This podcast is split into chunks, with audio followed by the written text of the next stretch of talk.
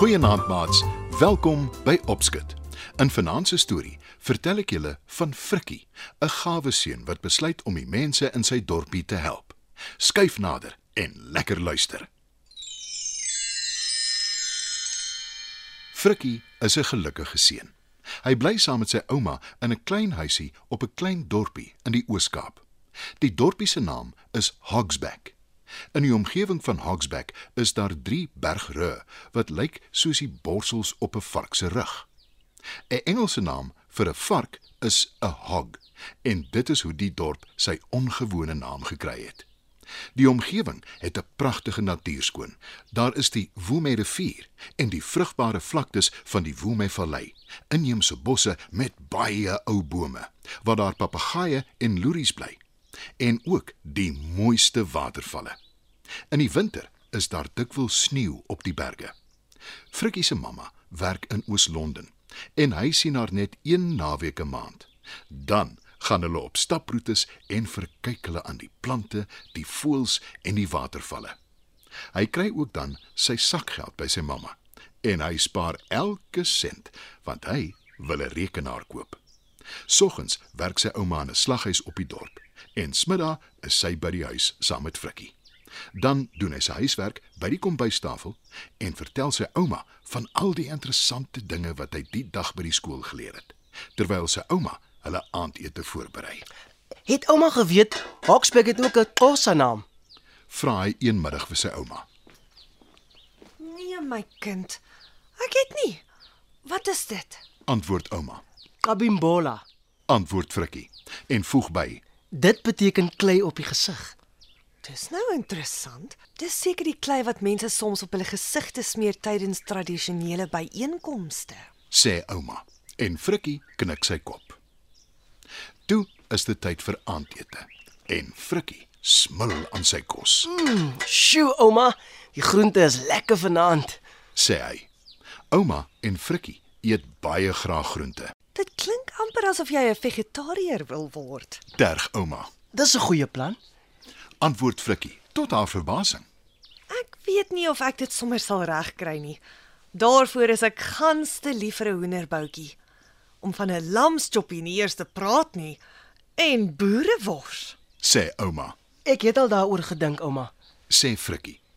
Ouma is nou regtig verbaas en sy sê: Dis die eerste keer dat jy dit noem. Ek voel nogal jammer vir die diere, ouma. Hulle moet doodgaan sodat ons hulle kan eet. "Verduidelik Frikkie." Al hoekom ek dit sal oorweeg, is omdat vleis so duur is. Ek kry darm nog bietjie afslag omdat ek by die slaghuis werk. sê ouma. Toe sug sy diep en sê: Maar daar is mense wat dit glad nie kan bekostig nie.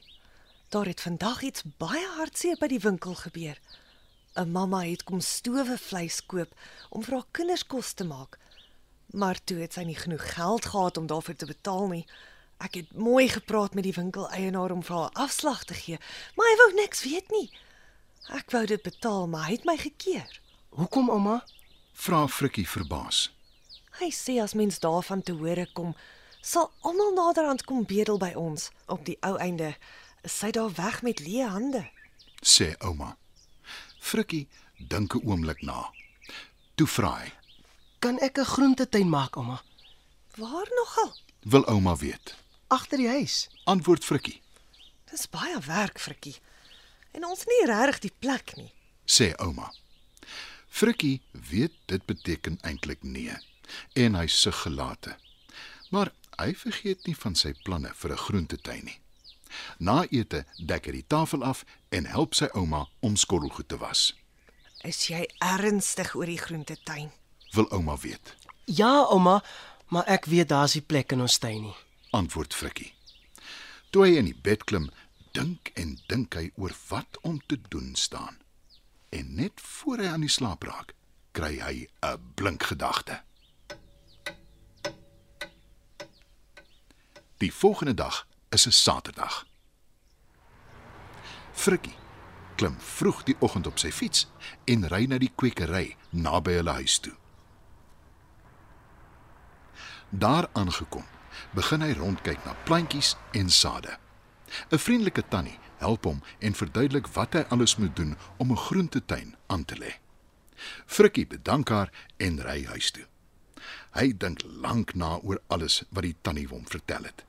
Hy maak somme om uit te werk of hy genoeg sakgeld gespaar het en toe neem hy 'n besluit. Die volgende Saterdag is hy vroeg op. Ouma is verbaas toe sy wakker word en sien hy skoffel en spit op die sypaadjie. Wat op aarde maak jy? Wil ouma weet. Net toe hou daar 'n bakkie voor die huis stil. Die tannie van die kwekery klim uit en groet Frikkie. Goeiemôre, jong man. Ons het alles hier wat jy bestel het. sê sy. Toe laai sy en haar helper sakke potgrond, kunsmis en houers met saailinge af. Ouma beskou die spulletjie en wil weet wat op aarde aangaan.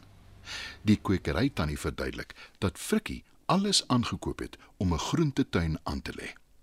Voor ouma iets kan sê of dalk kan raas, keer Frikkie. Op die sypaadjie, ouma.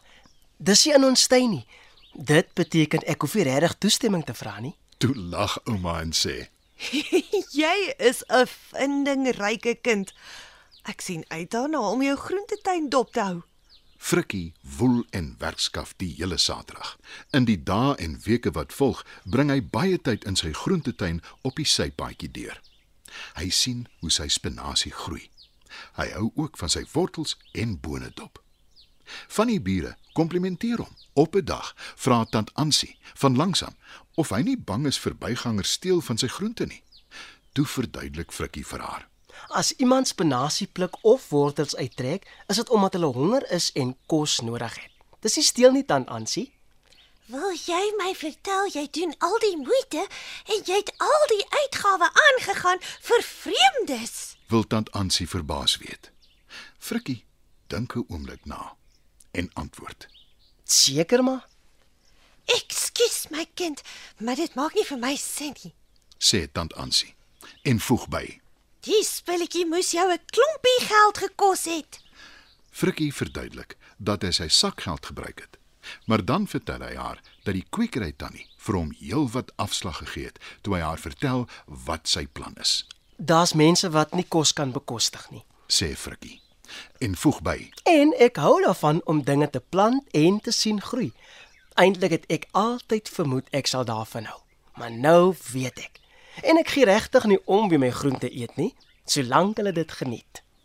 Ouma, wat alles gehoor het, terg. Gee jy om as jou eie ouma van jou spinasie gaar maak vir aandete, Frikkie?